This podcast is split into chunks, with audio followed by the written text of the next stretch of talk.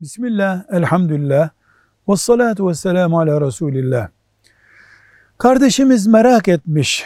Peygamberimiz Muhammed sallallahu aleyhi ve sellem bizim peygamberimiz olduğu için mi biz onu çok fazla öne çıkarıyoruz? Cevap olarak diyoruz ki hayır, hayır. Biz peygamberler arasında fark görmeyiz.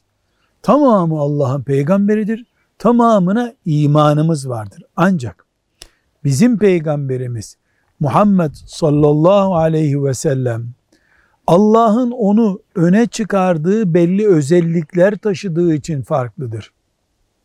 Bizim peygamberimiz olduğu için biz öne çıkarmış değiliz.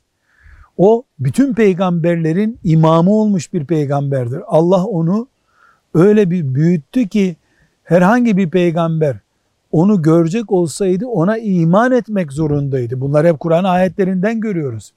O yüzden Kudüs'te miraca çıkarken peygamberlerin ruhlarıyla namaz kıldı. Ona bütün yeryüzü mescit kılındı. O cinlerin ve insanların peygamberidir.